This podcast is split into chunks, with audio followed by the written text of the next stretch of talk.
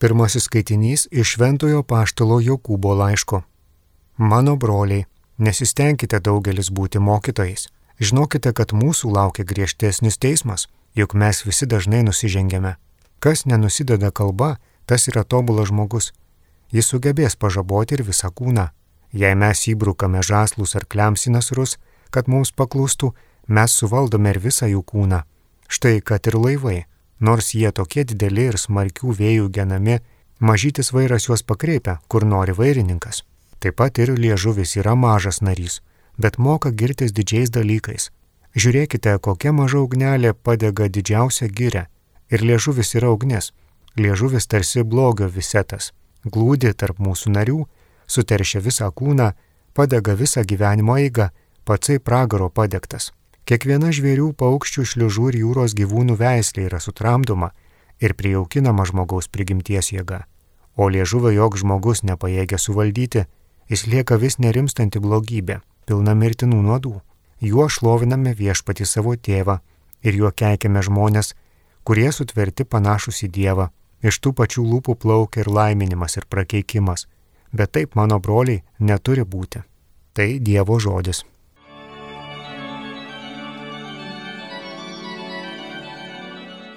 Viešpatie, tu saugosi mus. Viešpatie, gelbėk, nyksta tavo bičiuliai, ištirpo dorėjai žmonijoje, kaimynas kaimynui meluoja, širdis veidmainė ir lūpos klastingos. Viešpatie, tu saugosi mus. Lai viešpats aptalžo klastingasias lūpas, puikybės pilna liežuvi. Jie sako, galinga turim liežuvi, puikes turim lūpas, kas už mus be didesnis. Viešpatie, tu saugosi mus. Viešpaties žodžiai patys tikriausi, Tai tikras be priemaišų auksas, septynis kart išvalytas. Tu viešpatė saugosi mus ir globosi, nuo šios kartos ergėsi mus per amžius, viešpatė tu saugosi mus. Alleluja, alleluja, alleluja. Iš debesies nuskambėjo tėvo balsas. Šitas mano mylimasis sūnus, klausykite jo.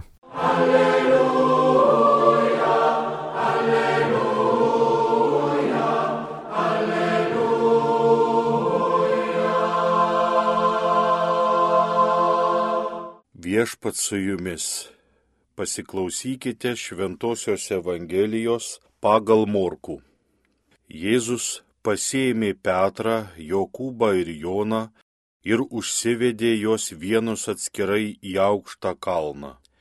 Ten jis atsimainė jų akivaizdoje. Jų drabužiai ėmė taip baltai spindėti, kaip jų išbalinti negalėtų joks kalbėjęs žemėje jiems pasirodė Elijas ir Mozė, kurie du kalbėjosi su Jėzumi. Petras ir sako Jėzui, Rabi, gera mums čia būti. Pastatykime tris palapines - vieną tau, kitą Mozei, trečią Elyjui. Jis nesižinojo, ką sakas, nes jie buvo persigandę.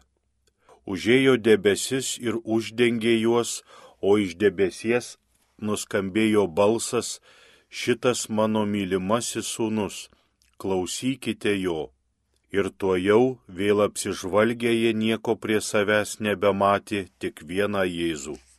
Besileidžiant nuo kalno Jėzus liepė niekam nepasakoti, ką jie buvo matę, kol žmogaus sūnus prisikels iš numirusių. Jie gerai įsidėmėjo šį pasakymą ir svarstė, ką reiškia prisikelti iš numirusių. Taigi jie klausė Jėzų, kodėl rašto aiškintojai sako, jog pirmiau turys ateiti Elijas. Jis atsakė, tikrai, Elijas ateis pirmiau ir viską pataisys. Bet kaipgi parašyta apie žmogaus sūnų, jog jis daug iškentėsęs ir būsęs paniekintas. Todėl aš jums sakau, Elijas buvo atėjęs ir jie padarė jam, ką norėjo, taip kaip apie jį parašyta. Girdėjote viešpatie žodį.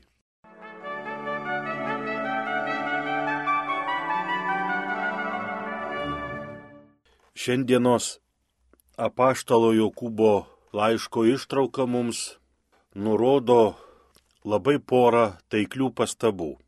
Pasirodo ir tais laikais, kaip ir dabar, labai daugelis nori būti mokytojais. Ir antra nuoroda ir problematika apie liežuvio valdymą, ko nei vienas žmogus nesugeba dorai padaryti. Iš tiesų niekas nesiginčysime, tikrai tai yra iššūkis ir reikalaujas daug pastangų dalykas, jeigu žmogus nori pabandyti suvaldyti savo liežuvį. Ką vis dėlto mes galime padaryti? Jeigu neįmanoma suvaldyti, ką mes galime šį bei tą keisti, naudoti kokią tai prevenciją, priemonę, mes galime pirmiausiai keisti savo mąstymą iš negatyvaus į pozityvų.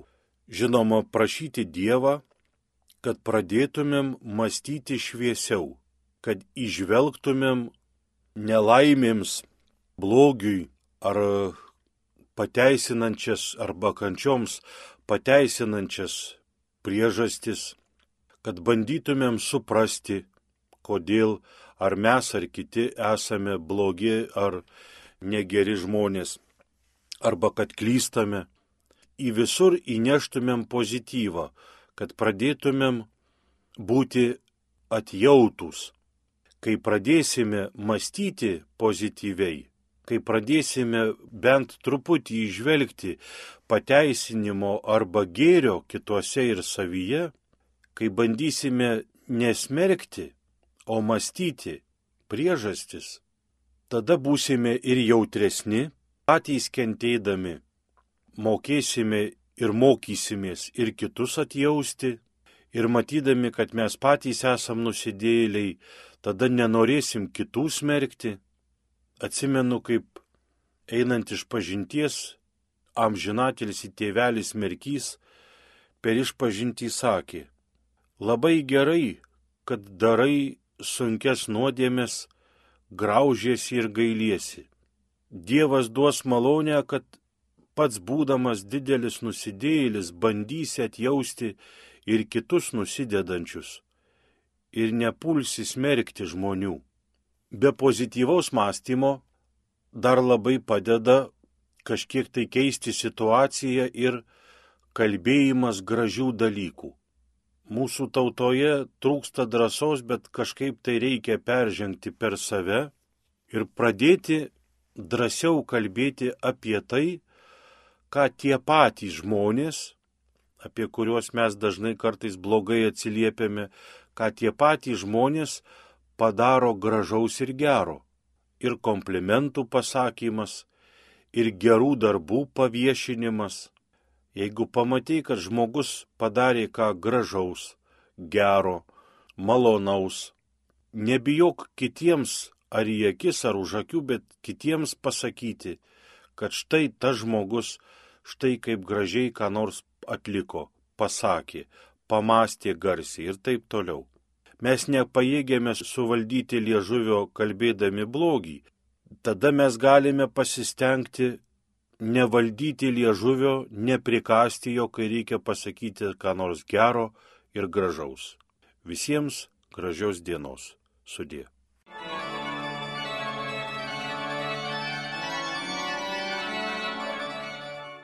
Homilija sakė kunigas Arūnas Simonavičius.